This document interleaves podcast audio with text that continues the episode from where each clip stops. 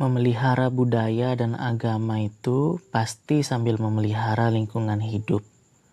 Simultan sifatnya, bersamaan, saling mempengaruhi satu sama lain. Misalnya, seniman maje di Kateng itu gelisah karena koleksi kayu sudah banyak berkurang. Soalnya gawah atau hutan itu habis dibabat oleh pembangunan Padahal inti dari seni maje itu gagang dan sarung kayunya, bukan bilah pisaunya. Maka sebetulnya menjadi seorang seniman maje itu menjadi arsiparis kayu-kayu di Lombok. Berkomitmen memelihara seni maje berarti berkomitmen memelihara pohon-pohon. Kalau seni maje terpelihara, pohon terpelihara. Sebaliknya, kalau hutan atau gawah dihabisi, seni maja juga mati. Sama halnya dengan kegelisahan para perawat tradisi tenun pewarna alami di Pringgesele misalnya. Tetumbuhan yang menjadi bahan pewarna alami tenun mereka berkurang karena kebun-kebun kian hilang.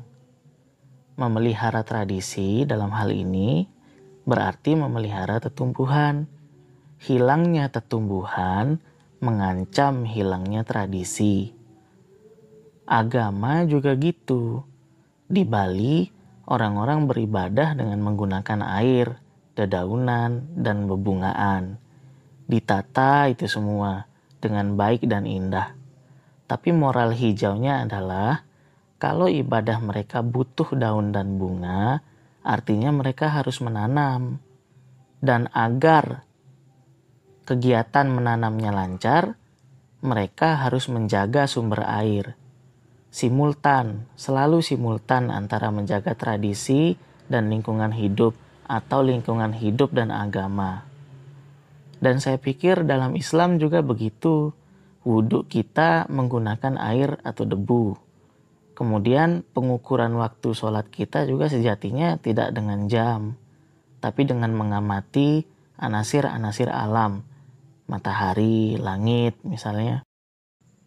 Jadi untuk sholat aja seorang muslim tuh harus peka sama intensitas cahaya, gerak bayangan, desir angin, jernih air. Jadi seajaib dan seekologis itu ibadah orang Islam.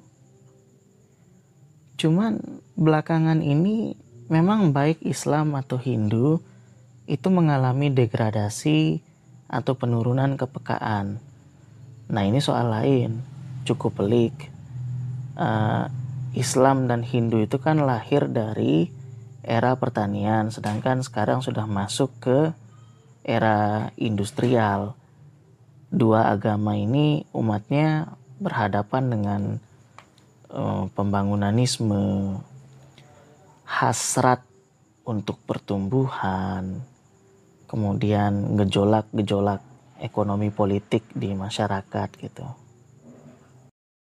Mudah-mudahan di lain waktu kita bisa membahas hal itu lebih lanjut.